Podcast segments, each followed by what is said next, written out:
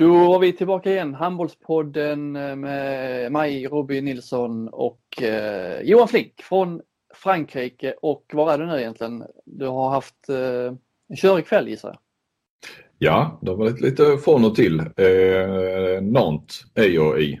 Eh, tillbaka på hotellet som jag checkade ut ifrån eh, mer eller mindre. Jag halvt om halvt checkade ut. Jag hade rummet i en natt till men eh, grejen var att om Sverige skulle var borta efter sin match så skulle jag åka med bildbyrån till Paris eh, med bil ikväll.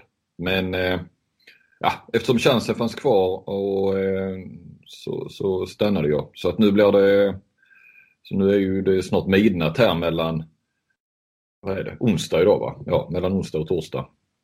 Det stämmer. Eh, så det blir tåg imorgon bitti istället. Ja, det var ju små marginaler till slut. Det var, kändes nära där ett tag, långt in i matchen Serbien-Frankrike, men, eller Frankrike-Serbien. Men så blev det ändå eh, ganska långt borta till slut. Ja, de hade väl behövt skaka dem in i det sista så att det hade blivit en Ja, med det här hemmatrycket hade blivit en belastning snarare än... Nu fick de det där lilla rycket precis före paus. Det var väl nästan perfekt psykologiskt sett för fransyskorna. Mm. Vi är alltså på handbolls, vi diskuterar alltså handbolls-EM för er som eh, inte riktigt var med i matchen. Flink, du är på plats ju. Eh, det är över för svensk del, inte riktigt. De spelar om eh, femte, sjätte plats här på fredagskvällen. Men eh, vi kan väl ändå summera lite. Du gav dem tre plus i din slutkrönika för insatsen. Jag är benägen att hålla med. Mm. Eh, andra så här, nu är matcherna precis slut för kvällen och du har väl, några, har väl haft några texter i kroppen men vad har du att bidra med eh, som summering? Eh, ja, jag hade väl en summeringen där. Alltså det som känns jäkligt bra när den här kvällen och mellanrund och allt det här nu summeras är ju att jag tror att eh, Nathalie Hagman sköt Sverige till OS-kval faktiskt indirekt i. Mm. Eh, man får ju onekligen lyfta fram henne som den stora hjälten med 17 mål eh, på 18 avslut. Jag eh, försökte ju vara lite rolig då när hon kom i mixade där och vi hade pratat om det att fan, man kanske skulle fråga om den enda missen. Så, så, jag, så jag inledde med det. Jag missade ett skott idag. Hon tittade mest. Jag, jag ska inte säga att hon... hon eh... Är du dum i huvudet? Ja, hon kanske tänkte det, men hon höll masken rätt bra. Hon sprudlar ju sällan Nathalie Hagman. Hon är ganska så, eh, oavsett hur det har gått så är hon eh, rätt så, det är rätt mycket stoneface över henne. Mm. Så jag vet inte riktigt hur den, hur den landade va? men jag hoppas hon har lite humor. Förstod det. Vi gick snabbt över till allt det positiva såklart. De, alltså de 17 fullträffarna. Och grejen är att när det är så många mål brukar det nästan vara så här 10 straffmål eller så. Det var väl inte mer än 5 straffmål tror jag. Eh, mycket imponerande. Men om vi nu... Kom i ett oväntat läge med just den. Hon har ju varit den spelare som fått mest kritik. Eh, en av dem i alla fall i, ja. i Sett till, eh, ja, men, sett till förväntningar. Som det var, jag menar, det är ofta det vi utgår från i vår kritik. Eh, Elin Hallagård eh, fick väl knappt någon kritik efter sin första match fast hon lyckades dra på sig ett rött kort och bomma tre skott. Och, eh, visst slet i försvaret men det kändes kanske inte klockrent. Men eh, vad ska man kunna räkna med när man kom vid lunch och aldrig har spelat med de andra? typ. Ja, hon har ju spelat med några av Sävehofsspelarna. Hon är aldrig med Anna Lagerqvist till exempel. Eh, så sett till eh, vad man vet vad Hagman kan och har kunnat så eh, var hon en av de stora besvikelserna får man ju lov att säga. Och det, mm, jag vet inte, det känns lite så det var lite samma läge nästan i eh, VM i, förra året också. I ungefär samma läge. Det gått rätt så tungt och hon skulle vara högernia. Här blev hon ju i sig högersexa lite tidigare i detta EMet. Men... Och sen så kommer hon då och verkligen uttagen eller så som högersexa i semifinalen mot Frankrike. Fick väl starta där då, tror jag hon fick starta som högersexa. Hon var för spela i princip där hela matchen. Och var ju superbra. Eh, och så att det var lite samma läge kände jag nu då, eller blev ju samma eh, där nu. Och det kunde inte gå så mycket sämre. Alltså hon var ju inte varit helt värdelös på något vis. Men, men, ja, men lite sådär, inte så mycket mer att förlora utan bara in och köra.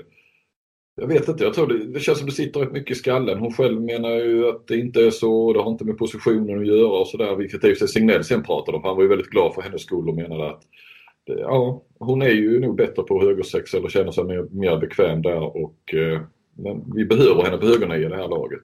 Det kan man ju diskutera om hon i slutändan behövdes som högernia i, i det här gänget. Jag förstår tanken inför att du kan inte bara ha Hanna Blomstrand plus att du har en rätt så hyfsad högersexa i Daniel Gustén. Så det är lite konkurrens eh, där va. Men eh, jag vet inte, lite samma läge så slår hon till. Men det är lite så med Hagman. Jag menar, vi fick ju snabbt att prata med Wander om eh, eh vem, eh, rekord, om det var målrekord i svenska landslaget. Och det visade sig vara då eh, både för herrar och damer. Seifert eh, Sebastian tydligen fyllde 40 idag så blev han av med sitt rekord. Han, hade, eh, han gjorde 15. Och det är lite speciellt, han gjorde 15, det är bara en träningsmatch i och för sig. Men mot eh, Norge i Norge 2005. En match som Sverige förlorade med eh, 30-29. Och han gjorde alltså 15. Eh, eh, och nästan lika imponerande, Jonas grejen var då Hagman eh, hade rekordet för på damsidan med 14 mål. Det har de gjort två gånger i mästerskap. Det ena var mot Kuba 2015 i VM och det andra var OS i Rio 2016. Och det var också en sån där, jag tror det blev 30 lika mot Holland. Och att då göra 15 mål, det är ju nästan på ett vis vassare än, eller 14 mål gjorde de, än att göra 17 idag när de gör 39. Mm. Men hon hade ju assist, det var ju hela, hela paketet. Så det är lite antingen eller med Hagman känns det som. Sen var ju inte, det var ju, ja, det var ju en mästerskapsmatch eh, bevisligen. Sen, men, men det Ryssland ställde på banan eh, i andra halv, det, det, det kändes inte som en mästerskapsmatch direkt så. Nej, man måste ju ha det med sig. De la ju ner verksamheten. Ja. Signell sa ju efteråt att han tror att de hade slått Ryssland även om Ryssland haft någonting att spela för. Det är jag inte riktigt lika säker på. Eller jag ska inte säga att han var säker. Han trodde det i alla fall. Och det, men jag är inte så övertygad om det. För Nej, men de, så länge de matchade hyfsat lag så var det, det var jämnt. De spelade ju nä, nästan helt jämnt med Ryssland ja. som inte hade något att spela för. Hade de då haft det så hade de, ja. ja. Eh, det känns ju tveksamt faktiskt. Ja, nej, det vet, det vet vi inte. Men nu hade ju schemat var ju sådant. Sverige hade väl på sätt och vis spelat sig till med hjälp av de andra resultaten såklart nu här i veckan. Men, men det var ju läget som uppstod och det ska man inte be om ursäkt för. Det var ju så att eh, vi pratade lite med Signell om stolpe in och stolpe ut och sådär. Faktum är att hade, hade Jamina Roberts, nu var det väl inte ett jätteläge, hade satt det sista skottet mot Frankrike så hade ju Sverige varit klara mm. eh, efter Rysslandsmatchen om de då hade vunnit det. Och då ja. tror jag inte, jag tror inte Ryssland hade gått mer för fullt då. De hade ju mycket hellre tagit med sig Sverige än Frankrike till semifinal. Ja, ja och de tog väl eh om jag inte minns helt fel så tog de fler poäng i mellanrundan än vad eh, Sveriges herrar gjorde när de gick till eh, final senast. Så att, eh, det är ju, alltså, och då har de ändå liksom förlorat Danmark knappt, tappat poäng knappt mot Frankrike. Det är så jäkla små marginaler har det varit. Verkligen. Sen har de haft marginalerna med sig nu sista dagarna här med alla resultat. Ja, det har, varit många, det var många resultat som har tagit dem ja. så här långt. Alltså, det kändes som ett Sverige var liksom lite så här, eh, jag tänkte på det innan, lite så Micke Nilssonskt i det här mästerskapet, att, eh, fotbollsbacken. Ja, ja. Du vet var jag är på väg? Ja. Att liksom anpassa sig till eh, motståndet hela tiden och nivån mm. som Micke Nilsson anpassade. Han var lika bra. Teddy Lucic är ju också en klassisk. Ja, lite så. Ja. För det. Mm. Lika bra var han än spelade och vilka han än mötte. Uh, lite så Sverige Danmark liksom, eh, det var liksom på gott och ont. Det blev lite för små marginaler i slutet men det räckte inte där mot Danmark. Och mot Polen var, Polen var ju usla men Sverige var ju nästan lika usla men då, då räckte det ju. Och sen var det ju bra mot Serbien och svagt mot Montenegro, bra mot Frankrike. Och så då, den här Rysslandsmatchen räknar jag egentligen inte in där. För det, Nej, den blir lite, det är hur mycket man ska värdera det. Det är ju lite så jag satt jag satt ju med sådana slutbetyg på spelarna om det skulle, ja, Sverige skulle spela sin sista match. Nu publicerar jag ju inte dem va? men helt plötsligt så blir det ju, kan jag avslöja så mycket som att Hagman låg på netta. Uh, och det kommer hon ju inte ha efter Rysslandsmatchen givetvis. Uh, det måste ju räknas in, men hur mycket ska man värdera den? Uh, det finns ju flera sådana på, på, flera spelare. Ju. Mm. Ja, men jag, jag ska bara tillbaka till det att efter den här kvällen och innan eh, matchen femte, sjätte och semifinalet ihop är påbörjat så, så tror jag faktiskt att Sverige eh, har nog en OS-kvalplats här. Härifrån. Eh, får titta vilka lag som är ja, reda, ut, reda ut begreppen. Jag ska göra det så mm. kortfattat och enkelt som möjligt. Eh, men ska vi börja i den änden att det kommer och, och alltså VM spelas om ett år. Ettan i VM är direkt klara för OS. Tvåan till sjuan får en OS-kvalplats. Så långt är du med? Så långt är jag med. Mm. Ja. Eh, när de är utdelade så att säga, det finns eh, platser där. Man kan också få den som eh, eh, eh åttonde, nionde, beror på vilka av de där två till sju som är kontinentmästare sedan tidigare. Sen ska det delas ut en, och med allra till 95% sannolikhet, två stycken OS-kvalplatser på eh, EM-placering i detta EM. Om, och de, de ska delas ut till dem som ligger högst men inte har tagit sig till ett OS-kval eller OS via VM. Och de som kommer före Sverige nu är alltså Frankrike, Ryssland, Nederländerna, Rumänien och om man förlorar matchen mot eh, 56 mot Norge så kommer Norge också vara före. De fem, i varje fall om vi tar väck Rumänien då, men annars är det ju Frankrike, Ryssland, Nederländerna och Norge. Där har du de fyra stormakterna på damsidan som ska vara topp sju i VM. Mm. Eh, Rumänien också förmodligen. Nu kommer ju Niago kommer tillbaka till VM då ungefär. Hon drog väl korsbandet. Mm, ja, så Jäkligt trist va, men, men hon kan, kan nog vara tillbaka om ett år då. Eh, vilket är viktigt för Rumänien. Så de där lagen ska vi hoppas att de kommer så. För övrigt ettan i det här EMet går ju direkt till OS. Eh, och så, så har vi då tvåan, trean, fyran, femman där. Eh, om vi nu Sverige förlorar Norge. Ska eh, komma 2 till 7 i VM. Och det bör de ju göra. Och då är det ändå två OS-kvalplatser. Det kan ju mycket väl krypa ner till sjunde, åttonde. Eh, ja. Om Sverige nu, om inte Sverige själva tar sig till topp 7 i VM. Det, det är väl inte helt omöjligt heller? Nej, det är det ju. Nej, nej, det är det ju inte. Men delas, det delas inte ut några wildcard, sådana skumma wildcard till, eh, till OS-kval. Eh, Dr Mustafa eller Dr Hassan Mustafa, han har inte sagt till om det.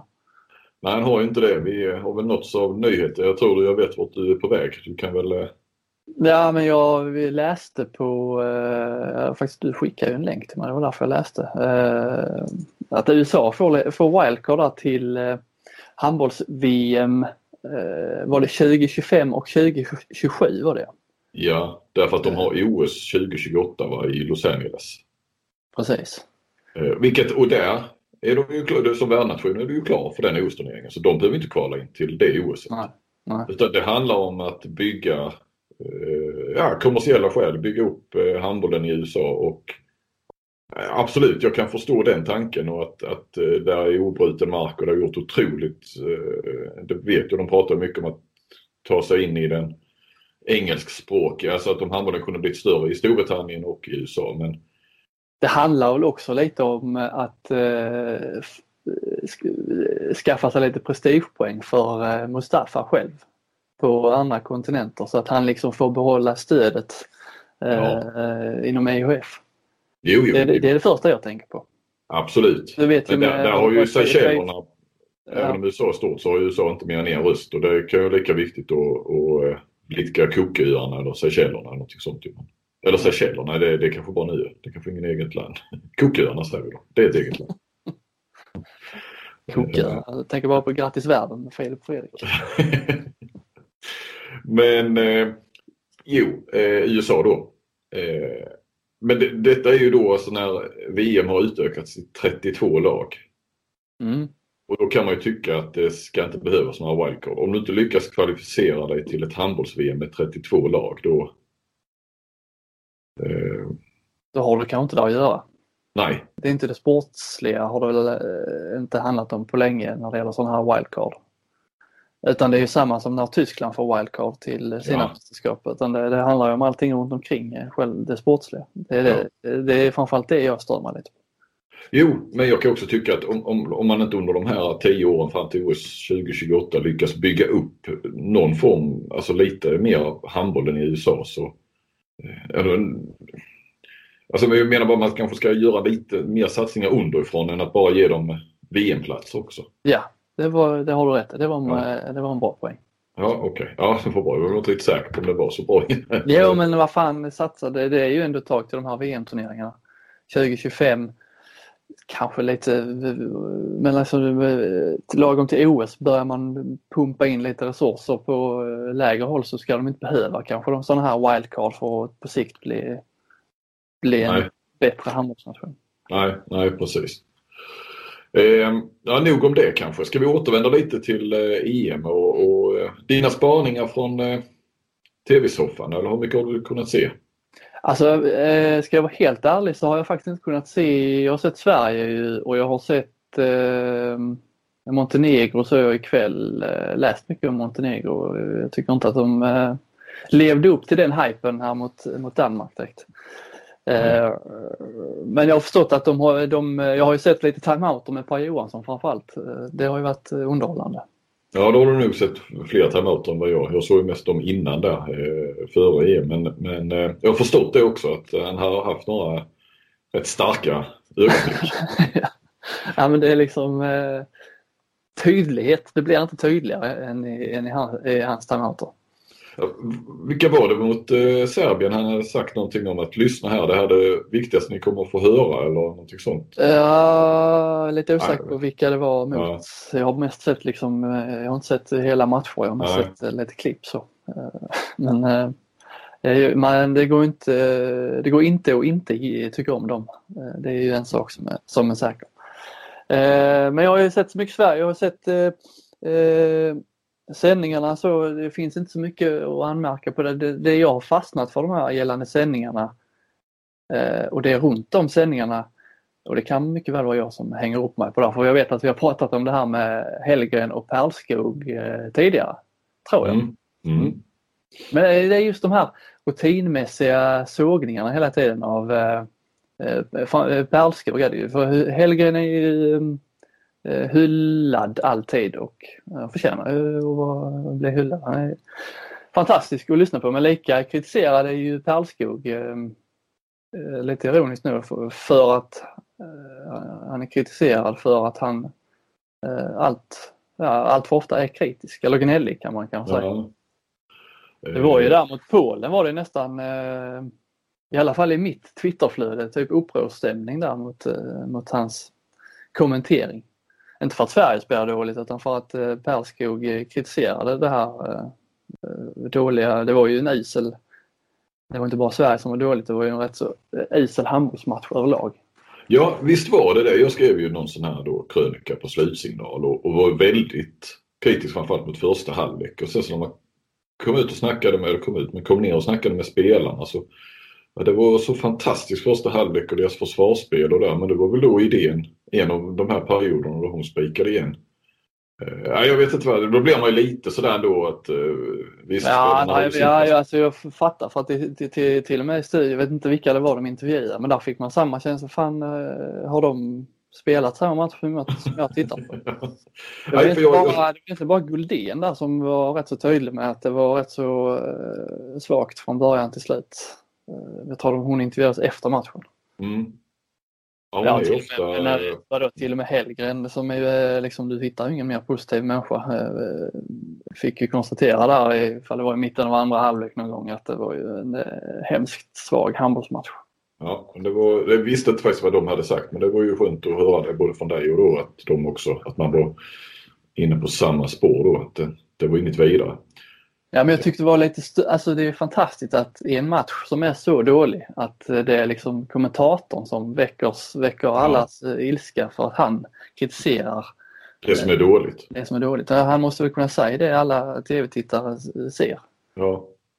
Ja, du gillar inte kritiken mot... Du tycker ja, men jag tycker det, överlag eller? Man kan tycka vad man vill om honom så att han inte kan, eh, liksom det klagas på hans handbollskunnande och så men eh, ja det, det, det kan det mycket väl finnas poänger i så. Man ska liksom eh, staka ner allt han säger under en match och liksom plocka, dra ut det och plocka ut och analysera varenda enskild kommentar så finns det väl säkert eh, saker som är konstiga och felaktiga. Men jag vet inte, jag får känslan av att det handlar eh, mer om eh, mer och mer att det är liksom någon slags elitism eh, eller handbollselitism bakom. Alltså om man inte kommer är på ett visst sätt eller kommenterar på ett visst sätt så, så passar man inte in och då... Nej, du ska bara hålla käften. Ja. ja, precis. Alltså för det är märkligt för att när man pratar med vanligt folk ute på, ja, man pratar handboll med folk. Mm. Då, liksom, då får du precis motsatt reaktion. Hellgren och Palsk, alltså det är sånt eh, ikoniskt eh, handbollskommentatorspar. Det finns inte så många sådana här ikoniska par kvar längre eh, om man tittar liksom brett i, även i andra idrotter. Nej, nej. Ja, det är så här Jakob Hård och Anders Blomqvist eller vad heter han? Ja, de är kvar ja. Ja, ja men det finns några. Ja, har, funnits mer. De flesta nu är det större rundgång på dem på något vis. Mm. Men, ja. eh, nej, men, men sen tror jag, jag kan gissa lite, jag har inte pratat med Pärlskog alls om detta, att när, eh, kanske inte då Polen-matchen, men att överhuvudtaget Helgen är ju så väldigt positiv. Att då får han ju balansera upp det lite kan jag tänka mig. Att han mm. själv också känner att eh, och, och, att de kanske då också har sina roller då. Så ja, är det ju alltid. Du och jag har ju fastnat mer eller mindre. Man fastnar ju sina roller. Eller fastnar man har sina roller i ett eh, någon man jobbar med. Eller ja, det har man ju även med sin, med sin sambo hemma kanske. Och sådär, I alla relationer. Ja. Ja, men det är det som gör, det är det som gör, eh, det har jag sagt innan också, det är det här samspelet, att de kan hugga lite på varandra. Det är det som gör, gör att man känns liksom som att man sitter, eh, ja, man sitter liksom och är en del av deras samtal. Mm. Mer än att man sitter och bara tittar på en handbollsmatch och så är det någon där borta som, som kommenterar vad som händer. Kroneman står ju på din sida, DN. Gör han det? Oh ja, han hade en lång hyllning nu till mitt under EM här till Hellgren och Perskog. Ja men det är det jag menar, han är utanför den här innersta mm. handbollsankdammen. Liksom. Då, ser han någonting helt annat än det här småpilliga som, som eh, mm. många, många ser när man tittar på, på Twitter. Ja, men att sitta där och kommentera eh, match efter match och eh, det är klart att du säger självklarhet. Det går ju, precis som du säger, det går ju alltid att hitta någonting. Men det är ju också rätt så orättvist att slå ner på eh, jag menar när man, när man säger så mycket så, nu ska inte jag hamna i försvarsställning men jag tror du också kanske kan känna samma sak att om, om man skriver så mycket nu som till exempel under ett EM, nu har inte jag känt av någon större kritik överhuvudtaget så men man skriver, eh, ja men du, det är en krönika om dagen och tre artiklar eller någonting. Och självklart så smyger det sig in faktafel. Man kan ha missuppfattat någonting lite fel. Det är jobbigt om man har liksom fått helt fel bild av en match så att säga. Men då är det liksom det som folk eh, 98 är vettigt. Eh, 2 kanske blir lite fel. Jag ska inte prata om mig själv men, men eh, det, det är säkert procentsatsen mycket fel mycket större. Men då är det lite sådär att så är det jättebra när folk hör av sig att oj du hade lite fel där eller bara tänk på detta eller sådär. Men, men just det här att bara hela tiden vänta på en, en, att någon säger någon eller skriver något självklart eller, eh, eller om det blir något faktafel eller ja, man kanske är lite fel ute. Så är det det man, då hugger man bara på det. Man siktar in sig på, på de där procenten bara. Mm. Eh, sen ska vi inte glömma också att Hellgren Perskog eh, de gör de här nu när det är mästerskap. Eh, jag vet inte om det är en miljon, det är det kanske inte, det är det väl inte längre. Men, ja, jag, här... jag, kollar, ja det har legat, ja. eh, jag får kolla tittarsiffrorna. Det, var, det fanns inte de senaste matcherna men eh, det har legat där kring en halv miljon eh, knappt. Ja, om en halv miljon. Det finns inte en halv miljon handbollsnördar utan det är ju det här klassiska, vad de, det vet jag att en del som kommenterar handboll, eh, jag har pratat mycket med Per Johansson, eh, det var mästerskap och sen så sitter du och kör en handbollsligamatch inför det kanske är tusen stycken nördar. Va? Då måste man vara på ett annat sätt. Mm. Kommentera på ett annat sätt och då får vi inte glömma att Perskog här och Helgen då, det är inför den här stora publiken, det är inför eh, våra mammor och pappor och de här som inte är så intresserade. Och då måste man lägga sig på, på den nivån lite grann. Ja, jag tror, de, jag, tror de gör rätt, ja, jag tror de gör rätt så mycket för eh, sporten handboll. Eh, mm. Bara att det är de två som kör. Liksom. Mm. Sen är de ju inte, bara för att de gör mycket för handbollen så ska man inte, det är klart att de ska få kritik och tåla kritik. Det är inte det jag menar. Det är, vi ska liksom, man ska lite... Det vi kritiserar de som kritiserar, de ska också tåla kritik. Och sen ja. får andra kritisera oss som kritiserar ja. som kritiserar. Så får vi tåla det. Så ska vi tåla det. Ja. Ska vi lämna, lämna eh, Perlskog Hellgren och gå över till EMs andra radarpar, Flink och Grimman? Ja, ja, ja det, det, det, det är nästan det som har varit den stora behållningen. Du hånar, ja, väl... hånar Grimlund tycker jag. Du tycker det ja? Ja, jag tycker det. Jag tycker nästan att jag bygger, bygger hans varumärke. Så. Ja. Nej då, jag har kollat av att det är okej okay också. Jag, och det är han, han, han... lite med dina 357 intervjuer med Guldén. Ja, ja, ja, visst. Eh, det är lite ge och ta så det, det, är inga problem. Nej, men jag har faktiskt stämt av med honom också så att jag inte känner att... Eh, det är ni två som är presspacket på mästerskap? Ja, Daniel Kihlström på TT är också här. Eh, jag har inte varit med så mycket på handbollssidan tidigare. Jag är baserad i Malmö så jag känner honom från mycket MFF-bevakning. Och sen har vi Fredrik Palmqvist på Handbollskanalen. Där vilar inga sorger. Jo, mer när Sverige förlorar. Mm. Då är han ju helt knäckt. Men han är ju desto gladare övriga dagar och timmar och inte minst när Sverige har vunnit. Jag fastnade med det här med, med Grimman. Jag frågade dig, jag trodde det var han, eh, du skulle egentligen åkt till Paris ikväll var det va? Ja precis. Jag trodde det, eh, för du skrev att vi kunde ta podden i bilen då för du skulle vara chaufför, så jag, eller för du skulle vara passagerare. Så jag eh, trodde nästan att det var Grimlund som skulle köra men då informerade de att han har minsann inte körkort. Nej. Och har man följt... Oh, aldrig haft körkort. Nej. Och har man följt ditt eh, flöde här, Twitterflöde under mästerskapet så vet man också att han eh, knappt vet vad Swish är för något. Han har lärt sig det nu. Ja. Och att han aldrig äter kebabpizza. Aldrig Nej. har ätit en kebabpizza. Han har aldrig ätit en kebabpizza. Det berättade han igår. Jag så att jag åt pizza. Och då undrar jag hur människan fungerar. Alltså det, det är liksom Swish, kebabpizza och körkort. Det är tre saker som är ja, direkt avgörande för att man ska kunna överleva här hemma i Kristianstad. Men han eh, har bevisligen klarat det. Jajamän, han, han lever fortfarande. Han undrar ju det nu då häromdagen. Om, om det är någon som swishar till mig, kommer pengarna till telefonen då bara eller går de in på bankkontot? ja, så du, du måste hålla, får, får inte liksom vända telefonen upp och ner och då trillar pengarna ut. Ja. Nej, eh, han kommer med sina små eh, funderingar. Eh, nej, vi, vi har haft mycket roligt tillsammans genom åren trots åldersskillnaden. Då. Ja. Uh, ja, det en, verkar vara en profil. Ja, det är det. det, är det. Kommer han att bevaka herrarnas VM med här nu i januari? Eller? Han gör inte det. Det är Nisse Palmgren på eh, hans kollega. Ett år äldre kollega som, eh, som kör det sedan några år tillbaka. Gör han herrmästerskapen och Grimman. Förr gjorde han ju herrmästerskapen också. Eller jag, vet inte, jag tror aldrig han har gjort så här två i rad på det viset som, som jag brukar göra nu här så här på vintern. Men eh, han var ju med i VM 2009 kommer jag ihåg. Då blev Järnemyr eh, sur på honom där. Han mm. frågade lite grann, han antydde väl att det inte hade gått så bra i Barcelona och sånt där och då blev han sur. Och, och frågade hur många matcher han hade sett med honom i Barcelona. Jag tror inte har sett någon av de matcherna. Men, eh, Far, farligt, farligt då. Ja, ja så jag hade ju taggarna ute där. Det minns jag. Så jag vet inte om han har gjort något mer sen när de bara gjort alla dammästerskapen. Så det, det är möjligt. Eh, uh, ja, har vi, något, uh, har vi något mer? Det är ju en match om femte, sjätte plats då uh, som imorgon när ni hör detta. Uh, Sverige-Norge. som kanske inte betyder jättemycket. Men har du annars någonting mer som du vill ha sagt om detta mästerskap? Nej,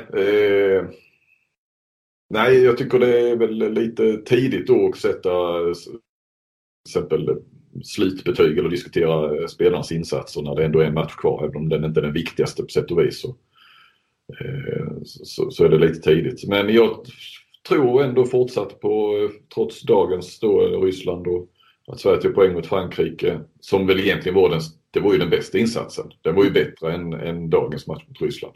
Så tror och, jag... och Filippa Idén är väl det stora utropstecknet i truppen? Eh, ja, vi kan ta lite så. Jo, mm. ja, så är det ju. Eh, har ju haft en fantastisk eh, högsta nivå. Alltså hon har ju aldrig gjort ett bättre mästerskap. Hon har ju aldrig fått spela så mycket heller. Inte varit nära det förtroendet. Jag ska erkänna att jag faktiskt inte... Det borde jag få. Jag frågade Signell om det var ju kanske några dagar sedan, ett par matcher sedan, en mellandag där, eh, om att idén då eh, För det var, hon fick ju starta någon match, jag kommer inte ihåg matcherna så här nu, vilken hon fick starta. Där hon inte hade varit, ja men var det Frankrike hon startade fast hon inte var så jättelyckad mot Montenegro. Va? Eh, och då brukar man ju ändå, då har man inte fått igång Bunsen. Så jag trodde till exempel att Bunsen skulle starta mot Frankrike. Och då frågade jag Signell om det bara var sportsliga skäl eller det finns någonting med den här hjärnskakningen fortfarande som, som ligger där bak. Jag tror inte att, alltså det är nog ingen fara men, men att, ja, att eh, ändå ska spela på något vis lite begränsat sådär. Men eh, då sa han bara, det får du fråga Jan Ekman om och det har jag faktiskt inte blivit färdig till att göra. För det är ändå lite intressant att även när Bunsen har ju alltid känts som nummer ett då lite grann så har de ju varit väldigt noga med att hålla båda igång och så. Båda målvakterna. Att Filippa har ju då ändå fått sina, sina matcher och Bunsen startade ju eh, premiären. Mm. Eh, och sen har ju idén startat resten. Han är inte allt, alltid vem som har startat. Men, Ehm, så, så eh, nej men idén absolut. Sen så har ju, nej, helt klart bästa mästerskapet och ett av de stora utropstecknen. Ehm, man ska inte vara alltför kritisk men det känns ju också, det har ändå varit, det har inte varit den här höga, det har inte varit en hög lägstanivå. Det har ju också varit perioder när det inte kommit åt ett enda skott i rätt långa perioder. Eh, och inte Bunsen heller, alltså där målvaktsspelet det var väl, alltså mot Danmark var det inte så bra till exempel och inte mot Montenegro. Och sen har det ju, herregud, framförallt då idén har ju räddat Sverige också och förlängt Sveriges EM får man ju lov att säga. Så. Ja, verkligen. Eh, sen tycker jag att, eh, om vi ändå kommer in lite nu då på, på spelare så som eh, sticker ut. Anna Lagerqvist har väl varit den bästa, eh, kanske genomgående ändå. Där är en hög lägstanivå, inte minst bakåt och varit den bästa försvarsspelaren. Och sen så, men hon får ju för lite inspel. Eh, det är nästan bara Bella som spelar in till mm. henne. Överhuvudtaget hittar inte linjen. Och när sen Lindblom har fått spela lite mer i slutet så eh, henne hittar de, men nu har ju, nej hon och Guldén har ju knappt spelat ihop. Alltså i, jo, i landslaget men inte i klubblaget. Eh, där, eh, jag menar Blom har väl gjort fler mål än Lagerqvist nästan. Eh, fast hon har spelat rätt mycket mindre. Mm. Eh, överhuvudtaget har ju Jamina Roberts har väl knappt gjort ett inspel. Anna Blomstrand hade väl ett till Lagerqvist idag men alltså jag tror att du kan räkna inspelen från övriga niomedsspelare utom Guldén. Du kan räkna under hela EM nästan på ena handens fingrar. Mm. Och, och, då har vi ju två bra, alltså Lagerqvist pratar ju alla om hur hon har utvecklats i, i klubblaget eh, framåt i höst och rankas som en av de absolut bästa högersexorna i, eller mittsexorna i världens bästa liga. Så där tycker jag att man, eh, men så, så fort Blom kommer in så får hon lite fler inspel och hon, och hon tar inte... fler. Sen så skapar ju lag, det syns ju inte i statistiken då alla straffar och utvisningar, det ser man ju inte på. Och då försvinner, även om hon avslutar då så försvinner ju det avslutet så att säga. Mm. Eh, där och sen så tycker jag Linn Blom också är ju en fyra så här långt sett till hur effektiv hon har varit och bra bakåt också, varit viktig.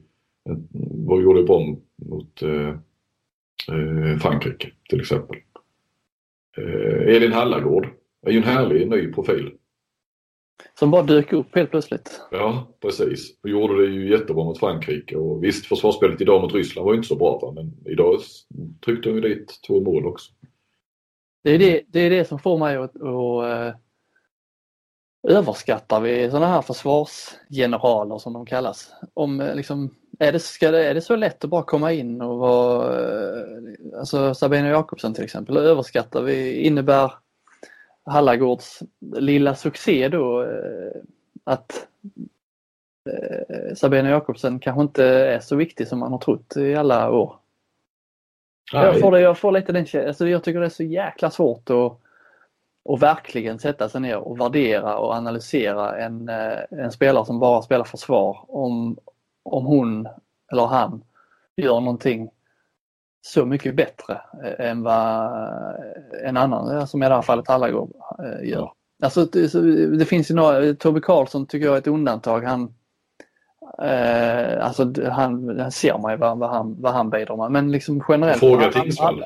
Ja, alla lag har ju sin sin mm. egen försvarsgeneral. Och frågan är om, man inte, om det inte liksom sitter mer i skallen på, på tränare och på, eh, mm. på, på, andra spelare så att, de, att, de skulle vara, att de skulle vara bättre försvarsspelare än, äh, än någon annan. Jag, jag, jag får känslan av att man övervärderar ja. den typen ja. av spelare lite. Intressant spaning.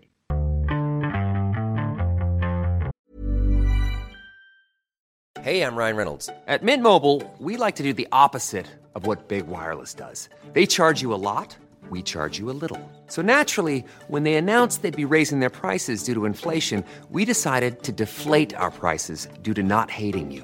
That's right. We're cutting the price of Mint Unlimited from $30 a month to just $15 a month.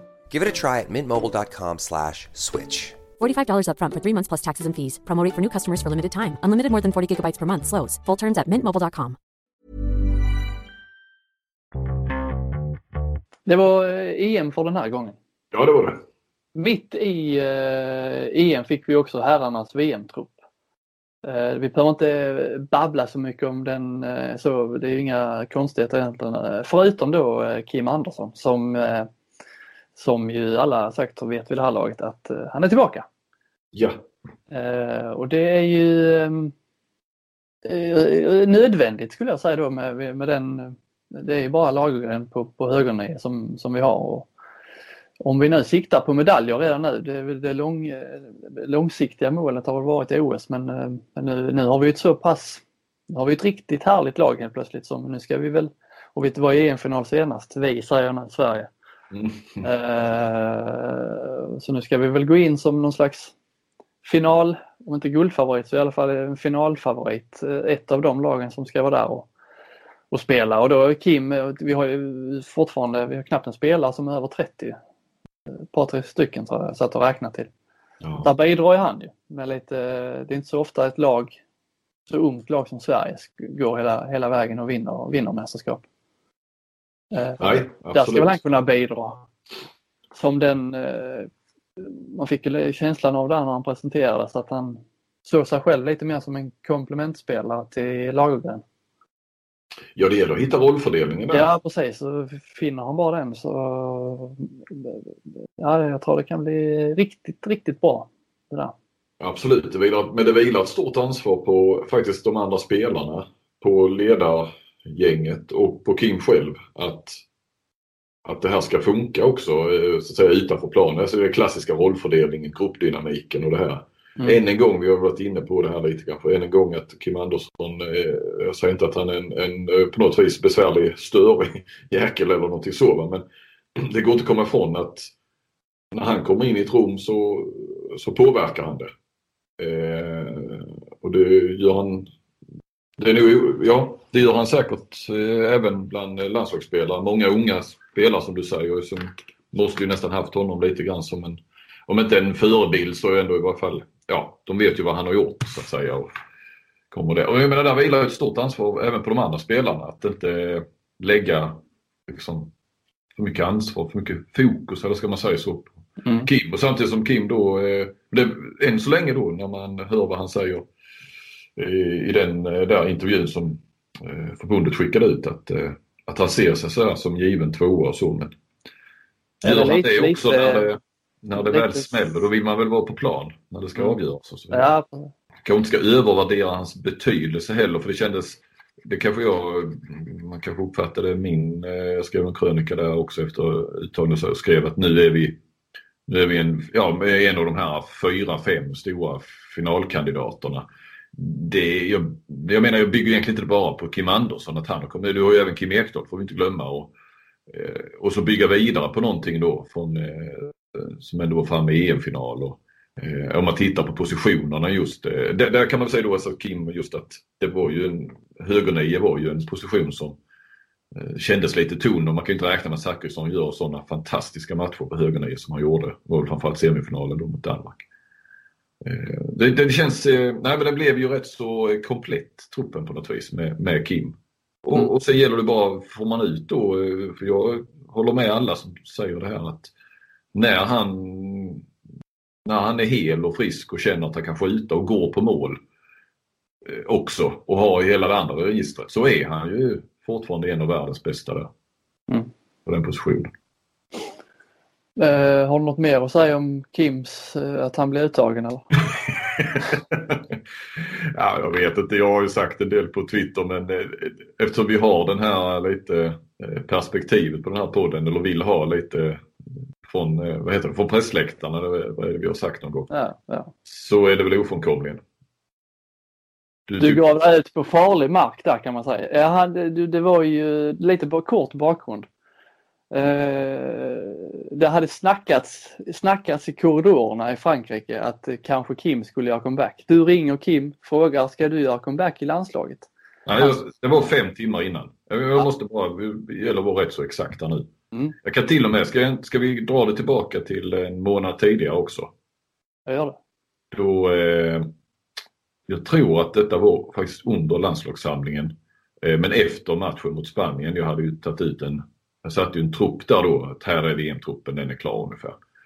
Och sen så några par dagar efter tror jag det var så fick jag ett tips eh, från, eh, nu är det viktigt här med källor och sånt här. För det här får jag inte röja på något vis. Och det gör jag inte.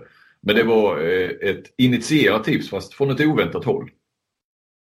Eh, att Kim, eh, den personen sa att Kim eh, kommer att spela VM. Eh, men, men den ändå så här, ja, ja det är ju i en bit dit så jag kan liksom inte sådär va. Men det är tanken. Eh, och då ringer jag Kim Eh, det var ju snack om då, SVT hade ju då några veckor tidigare när truppen till den här landslagssamlingen i oktober skulle tas ut. Hade de ju, Kim Ekdahl gör, gör comeback och eh, lite då lösare att det snackas om att Kim Andersson också. Och så mm. kom ju aldrig Kim då till, blev ju inte uttagen till den här truppen då ju. Och när det kom SVT då ringde jag efter både Kim Ekdahl och Kim Andersson och ingen eh, av dem svarade. Eh, det var ju det vi pratade om då när Kim Ekdahl hade, när han ville ha en vi skulle göra en intervju då.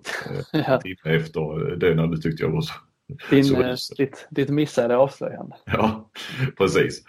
Eh, men eh, när jag ringde då eh, efter att ha fått det här tipset så ringde jag till Kim och då snackade vi rätt så länge. och jag frågade honom och han sa att nej, det, det kommer inte på fråga.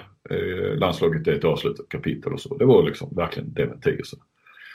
Och då la jag ju undan det för det var så tydligt då att, att det fanns inget. Och jag hade ju, ja men, ja. Och jag blev lite konfunderad därför att tipset var så pass bra så att jag tänkte att vad jösse namn eh, så. Eh, jag kontaktade faktiskt aldrig den personen igen eh, som hade gett mig tipset. Eh, jag bara lät det, jag lät det bara vara. Mm. Tänkte det kanske blivit någon missuppfattning på något vis. Eller något. Och sen så eh, då samma dag som truppen skulle tas ut så eh, fick jag höra att eh, Kims fru hade lagt ut på Facebook att eh, de, hon, de ville hyra ut den stugan de hade hyrt uppe i, i fjällen i Sälen eh, i januari. Och istället så skulle de ha tagit någonting, hade de skrivit, jag har inte själv sett eh, den här då eh, på Facebook, det här inlägget då, eh, och skulle ha tagit någonting i Lalandia. Rätt. VM går i Danmark som ni vet. Ja, Fan, det är Kims fris man ska vara vän med på Facebook alltså. Ja, precis, precis. Så alltså, tänkte jag då att jaha, ja men ja, jag får väl ringa Kim ändå. Jag får liksom ändå göra jobbet ändå eh, och se. Men jag, jag, tyckte nästan det var lite pinsamt att ringa för att han hade varit väldigt tydlig med att han inte skulle eh, spela VM. Så, liksom, så. Eh, och jag tror att detta, den skulle tas ut klockan fem och jag tror att detta är klockan tolv ungefär. Och, sånt. och jag ringer och han svarar. Eh, och jag gick rätt så rakt för han sa att jag, jag sa, är det mitt i matet? Jag sa, nej men jag är med min son här, han är lite krasslig och så tror jag ändå de var ute, det lät det som. Eller så. Ja, han var hemma med sjukt barn eller så, något i den stilen. Så jag gick rätt rakt på sak och så sa jag, du nu tas VM-truppen ut om eh, klockan fem här ikväll. Är du med i den? Nej, sa han, det är jag inte. Nej, och så, så jag ställde frågan så att säga, och det är du inte liksom. Så, nej, det, jag är för gammal för det. Så, och så där, och så var det inget mer med det och så la vi på. Så, ja. Och sen la jag ut på Twitter då för då, ja, men man hade sett någonstans. Men sen var med, det, det surrades ju om det. Ja men det surrades ju om det och så la jag ut då på eftermiddagen sen att eh, tänkte bara, ja ja, jag vet ju att han inte är med så att det kan man ju lägga ut då ju. Så, så la jag ut det och sen så gick det ju då ytterligare några timmar och sen så togs han ut. Mm. Och sen blev det, sen eh Sen gick, det ut på, sen gick det ut på, eh, jag tänkte, jag tänkte direkt när jag såg din tweet att uh, du var lite syrlig där kan man säga mot, mot Kim. Jag tänkte att nu får han göra här uh, flink för nu kommer de att hugga på honom. Och, jag, tänkte jag får ändå förklara Ja, men jag, måste, jag kände ju lite grann att jag fick ju förklara den här tweeten. Jag hade ju ändå gått ut med information att han inte skulle. Ja, alltså var det något som jag hittade på faktiskt. eller som jag skojade om. Eller så här. Jag tänkte jag måste ju... Och visst, det, jag, klart jag var irriterad så att jag skrev ju det att, eh, eh ja, att han ljög mig rakt upp i ansiktet. Eh, och det, det trodde jag inte om honom. Eh, du, du, det var inte, du fick inte direkt några sympatier för detta? Nej. Eh, nej, det fick jag inte. Och, eh, Men det var inte så oväntat. Det, det, får, det, det, är liksom, det, det, får man aldrig. Eller det får du aldrig i sådana lägen. Det, liksom det, du tä, alltså I det här läget så tävlar du ändå mot en eh, jävla populär och stor landslagsspelare. Den, den, ja. Det går inte. Hur, hur glasklart den är i dina och mina med, för jag håller med dig, ögon, så det, den, den matchen vinner man aldrig. Nej, nej, nej, men och jag skrev ju det också att jag fattar ju att sympatierna hamnar hos Kim men, men eh, jag blev ändå förvånad. Alltså rätt så, jag menar som jag har tyckt, rätt så vettiga personer eh, på Twitter till exempel som liksom bara tycker att det var helt rätt av Kim. Alltså som inte såg något som helst problem och det är väl det jag sen reagerar så mycket på att man inte eh, Alltså att, att Kim försvaras på sitt sätt i i, i förhållande till mig. Det är eftersom jag är den onda och han är den gode. Det kan jag väl förstå då i folks ögon på ett vis. Men just det här att eh, bra Kim, eller så här, helt rätt gjort av Kim och då kan jag känna att nu drar jag det jävligt långt men är, är, är det, ska vi bygga ett samhälle på lögner? ja men det här är ju ändå Ja men vad fan om inte, om inte annat, om han inte tappar i, eh, om inte läsare och tittare tappar eh, lite förtroende för honom eh, så eh, ja, om inte annat så gör ju alltså du i det här fallet och journalister liksom, eh, tappar ju förtroende. Ja, om nästa gång han säger något, kan man, kan, kan man lita på det? Ja, men man kan ju, man kan ju nästan raljera över det. Men, men det var väl dagen efter så spelade han väl handboll och var skadad, sa han. Ja, precis. Eh, och nu säger han ju att han inte är skadad längre. Han spelar, det ser man ju då om han spelar eller spelar inte. Men liksom lite grann sådär, kan vi lita på det då? Att han är frisk eller att han är skadad eller? Sådär. Alltså, det, det, handlar ju om, det handlar, i grund och botten handlar det om att, eh, ja men eh, det, varför ska du, varför ska Sportbladet skriva vilken trupp det är innan landslaget har presenterat truppen? Eh, nej, det kan väl, det är väl ditt jobb att göra det och det är väl säkert kul för förbundet om de kan hemlighålla truppen till de själva släpper den. Det är ju deras jobb. Mm. Så man, ni står ju på varsin sida här, eller vi står på varsin sida. Men, men alltså, innan vi kommer in på det så, men också att ja, men det jag kanske reagerar på också är ju att andra spelare som jag tycker vettiga, Josef Pujol till exempel, hörde jag nu på avkastpodden. Som inte såg, han såg att det var inga som helst problem att eh, en spelare, Kim i detta fallet, ljuger om en sån här sak.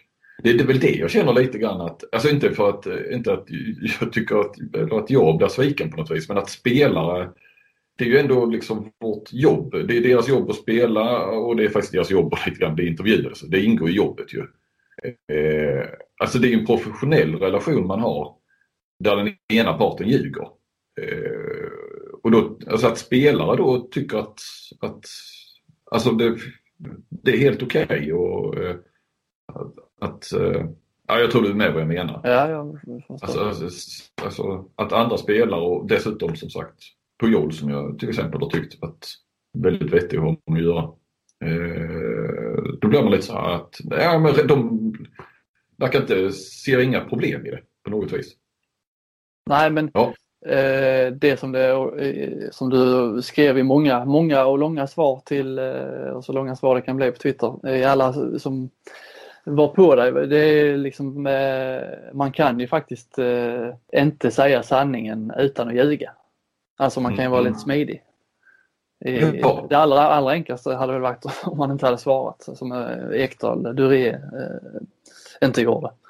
Innan ja, eller Kim inte gjorde det den gången. Mm. Eh, och så eh, har man väl då, ja men Kim visste inte att det var du som ringde. Nej, men jag, vad jag uppfattade som har han mitt nummer. För när jag ringde då första gången och frågade om han skulle vara med i, i VM-truppen så svarade han Kim mitt i maten och det tror jag inte han.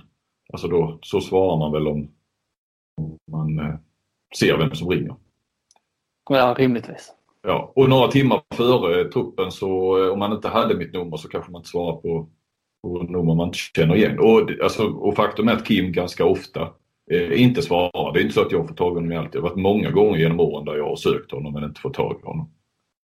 För att han inte har lust att prata eller sådär. Eh, men det, det, ja, och det finns, och det, för, och för det kommer, ja, men han har väl inte skyldighet att eh, säga, eh, berätta för dig om han ska vara med. Nej, han har inte den skyldigheten men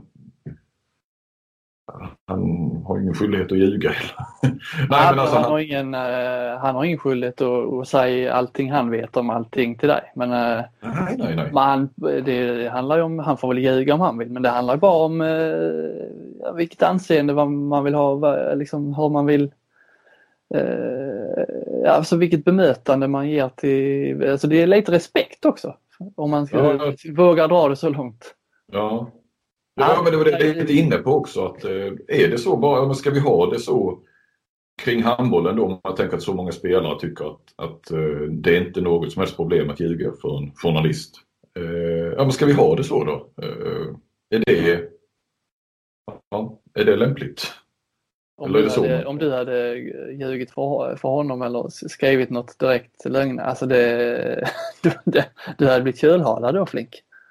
Ja, det hade jag nog. hade nog inte haft så många eh, som hajar på mig. Och, Nej, alltså för oss är det ännu viktigare med sånt förtroende. Att man inte skriver saker som inte är sanna. Men det här är lite ändå, eh, tycker jag att de har ett ansvar, spelarna också. Liksom, eh, om de inte, de behöver inte säga all sanning om allting men de ska inte, alltså de ska inte ljuga heller. Det, tycker det, det, det är ju en, grå, det är, det är en gråzon men eh, det är just så tydligt ljuga rakt upp i ansiktet. Där eh, går nog gränsen. Ja. Jag har varit med om att folk har ljugit många gånger för mig men det har man också, det har varit sådana personer som eh, det har inte överraskat att, att, eh, att de, de har ljugit. Liksom. Men det är ju Nej, jag, jag, har inte, jag har inte varit med om det att någon har ljugit som jag har en sån relation till och kanske liksom något så konkret sådär. Att, eh, det här går inte att missuppfatta eller något. Alltså det var ju en väldigt konkret fråga. Och kunde, ja. Eh, det, det, det verkar lite grann som folk tror också att, ja men typ, folk ljuger väl för er journalister hela tiden för att de inte vill säga eh, men så är det ju inte. Jag, eh, ibland har jag tänkt sådär att Ibland har man nästan blivit, alltså många är väldigt noga med att inte ljuga men heller inte säga, säga sanningen kanske. Precis.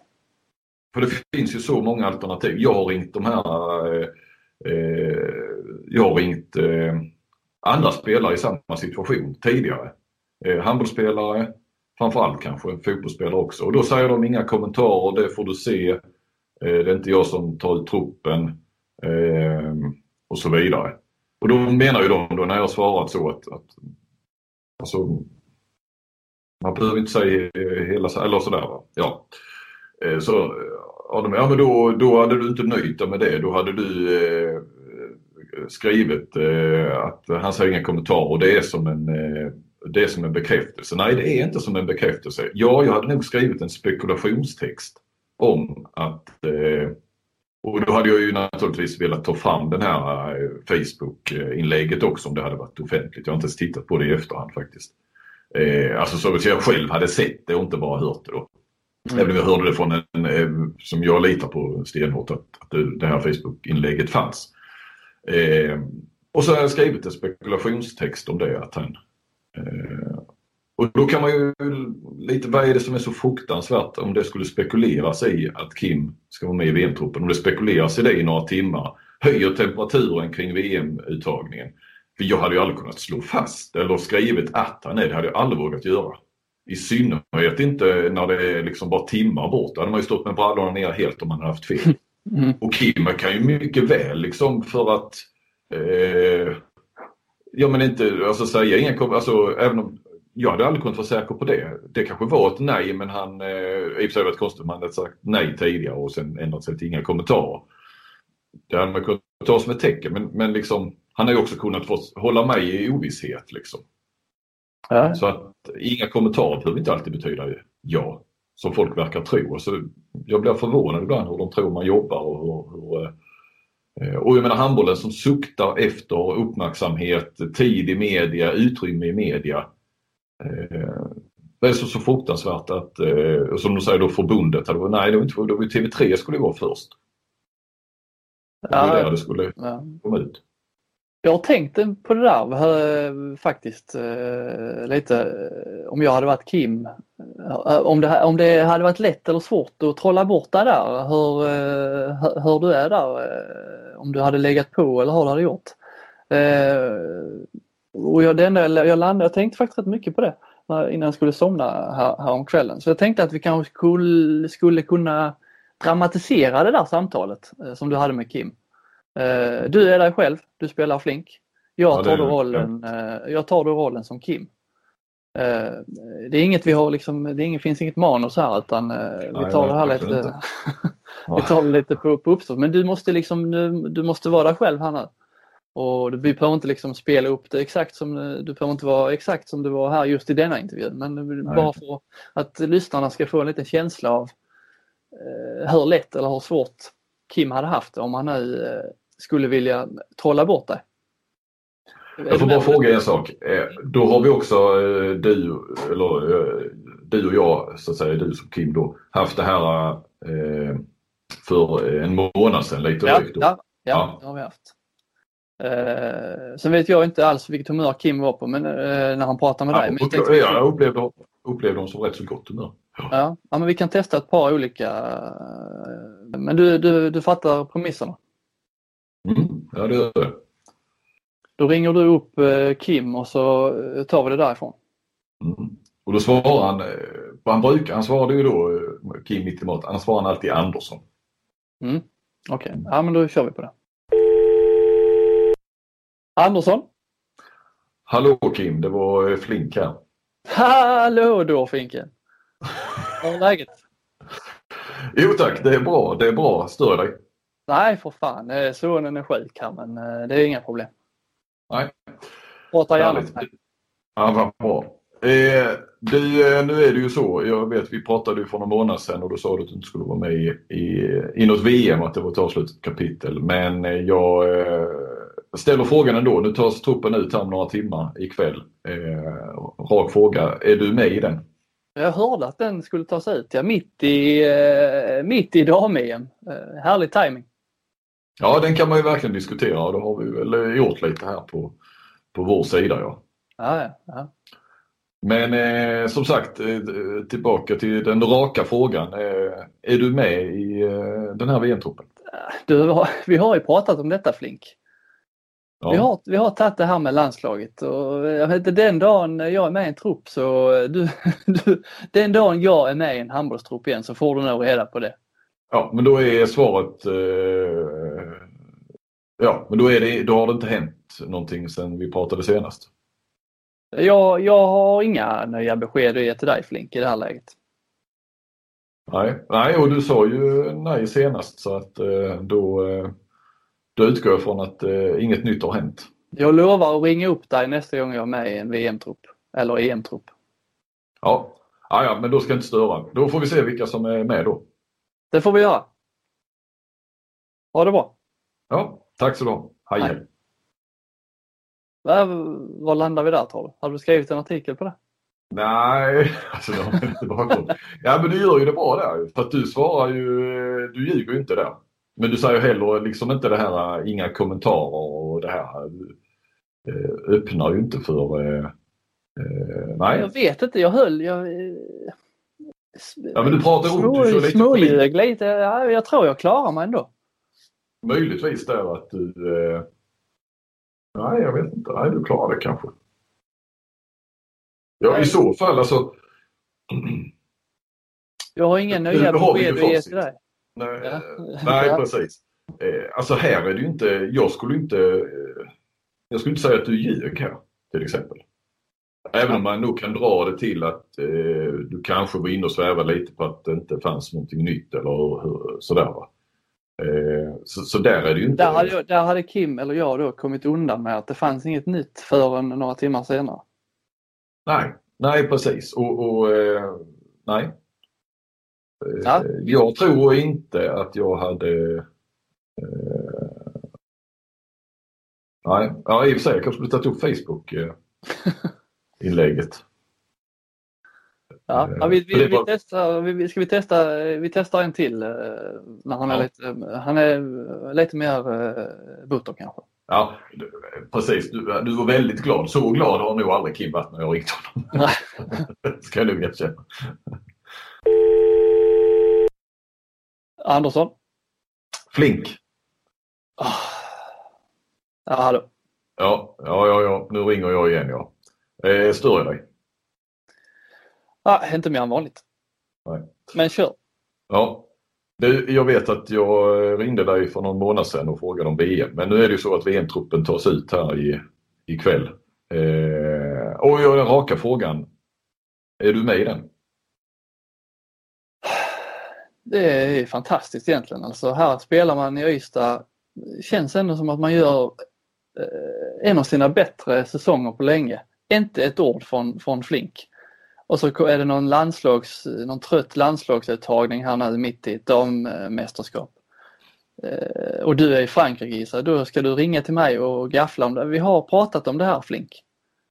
Jag pallar ja. inte prata med om landslaget. Nej, men det var så att eh, dels närmade sig och jag eh, hörde också att eh, din fru, ni skulle väl eh, ha en eh, stuga uppe i fjällen i januari här och eh, att nu försöker ni hyra ut den vidare så att säga. Och ska ha någonting i Lalandia och då tänker jag att VM går ju i Danmark. Där Lalandia ligger. Så därav min fråga plus att det surras lite grann sådär i i handbolls-Sverige om att du kanske ändå ska, ska vara med? Jag vet inte, nu är du i Frankrike så det är inte lätt för dig att hänga med men jag, nu är det så att jag, jag har lite ont i höften och eh, skidåkning är kanske inte det bästa eh, att syssla med när man har ont i höften. Vet du vad som är betydligt bättre att göra när man har ont i höften? Simma. Ja, det har du ju rätt i. Men eh, ja, så om jag förstår det rätt så är du inte med i eh, den här truppen som kommer att tas ut. Jag snackar inte om landslaget. Ring, ring nästa gång du vill prata om Öysta IF. Jag tror vi, vi har goda chanser att gå till, eh, till final eh, den här säsongen. Ja, det kommer. Ni får se till att, att utmana Kristianstad ordentligt så, så ska jag nog höra av mig. Ja. ja. Men, men, nej, men då räknar jag eh, bort dig från eh, VM-truppen och så eh, kanske vi ses på läktaren där om du kommer ifrån eh, Lalandia en sväng. Okej. Okay. Säger ja. så då. Ja, men det gör vi. Ha det bra. Hej. Hej. Nej, men jag hade... Han var inte lika munter. Nej, nej. Ja, men jag hade nog kunnat skriva, om som sagt, om jag hade liksom haft Facebook-inlägget där och, så hade jag kunnat skriva en väldigt lös hållen eh, liksom lite så här, titta här eh, finns det en chans. Eh, sådär. Och, och, Kim svarar inte på den direkta frågan. Hade du citerat mig? Ja. Alltså han var nästan på gränsen till otrevlig. Yes. Nej, ja, nej, nej, jag hade citerat. Mm. Eh, så jävla trevlig Alltså så som du var i första, det är inte många som är det när jag ringer. Det får jag lov att säga. Jag känner mig helt hemma i den sista där, Butra Eh, så va. Nej, men till saken. Jag fick nästan dåligt samvete att sitta här och tänkte fan jag känner mig så jävla taskig mot Flink. Nej då. Nej men jag menar jag har ju ändå tyckt att jag har en bra relation med Kim. Det kanske inte, jag menar en bra relation, professionellt bra relation innebär ju inte att han blir överlycklig när jag ringer såklart. Men alltså jag har ju knappt haft med honom att göra sen, eh, sen han slutade i landslaget egentligen. Eh, det är, jag har ringt honom kanske två gånger eller någonting det har inte varit Alltså innan detta då. Eh, och sen någon gång när man har varit på någon match såklart och eh, träffat honom så. Men det är ju väldigt lite så att eh, och, och, och, det har inte varit några problem på väldigt många år så att jag har ju liksom svårt, det är därför jag menar att jag uppfattar det som att jag har en bra relation med honom. Mm. Ja, eh, jag tyckte det var kul. Jag, jag, jag, jag är gärna Kim Andersson igen. ja. Eh, vi får se om, om, om det fäster. Men eh, vad fan Flink, nu har vi kört över en timme. Ja. Eh, vi ska ta en liten paus i två veckor och sen är vi tillbaka i mellandagarna med ett härligt eh, julavsnitt. Då blir det mer eh, handbollsliga igen. Så sen, sen börjar ju nästa mästerskap närma sig och då är vi tillbaka igen för fullt. Då börjar jag, är jag tillbaka i tjänst också. Ja, det är ju, låter ju underbart. Och, eh, och då tar du plats i tv-soffan. Eller åker ni ner på några matcher? Eh, jag hoppas det. Jag har inte fått slutgiltigt besked än. Jag har inte varit så mycket på, på jobbet här. Men jag hoppas det. Ja.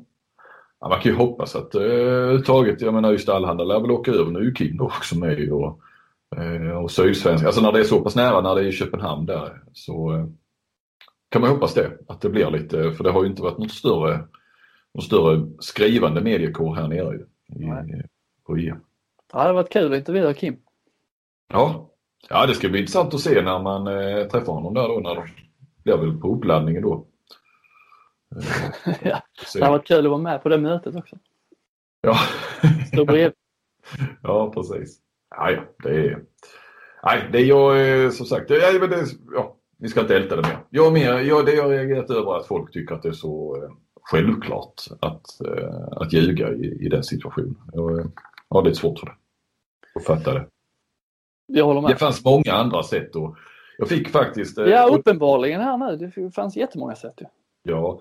och sen finns det faktiskt ett sätt som eh, jag har pratat med en som frågade mig. Nu menar jag absolut inte att Kim skulle gått på den linjen eller trott att det skulle funka eller, eller liksom så. Men han sa att om, jag, om, jag hade, om du hade ställt den raka frågan och jag sagt att jag vill inte ljuga. Eh, alltså han tänkte om han då hade varit Kimba. Jag vill inte ljuga eh, så, rakt upp och ner. Ja, jag är med i truppen men du får inte skriva det förrän eh, den släpps. Eh, så hade du skrivit det då? Nej, sa jag. Självklart inte. Nu menar jag inte att Kim hade liksom tänkt den Liksom så. Att så kan man göra för att, för att då utsätter du dig kanske för en risk. Men om man då tänker sig in i, i min situation. Det kan väl du då göra ganska lätt. Ja, men då hade du dödat allt förtroende. Exakt. För honom eh, med en månad kvar till jag ska typ umgås med honom varje dag mer eller mindre. Plus att jag hade förmodligen eh, skadat eh, väldigt mycket förtroende hos ja, i princip hela landslaget. För han hade ju såklart eh, berättat det. Mm. Eh, det skulle vara helt vansinnigt av mig att göra det. Så att eh, liksom så viktigt är det inte. Alltså, jag, vet Nej, jag tror det är det många tror att det liksom, det, du får ju inga medel för att först. Gå över lik liksom. Eh, jag menar så viktigt är det ju inte. Sen, och, och, då, och, så, och då hade jag väl förmodligen kanske tagit tillfället, alltså då hade jag ändå kunnat förbereda mig jag hade kunnat förbereda en, en, en krönika. Jag hade ju haft väldigt nytta av det också. Utan att behöva skriva det, utan att behöva avslöja det. Mm. Eh, men som sagt, det, det, där faller väl ingen skugga så på Kim. Men, men det kan vara intressant kanske för folk att veta att så, så fungerar det ibland också. Att man vet saker som man inte skriver. Mm. Det är kanske vanligare än man tror. För att det handlar om ett förtroende. Och, och, eh, och jag menar det här, vi, vi snackar idrott, vi snackar en uttagning. Vi, så här kanske du inte kan jobba med politiker eller eh, Palmemordet liksom, eller sådär. Eh, då är det ju liksom, liksom så strikt professionellt och det som sägs. Det är ingen granskning detta.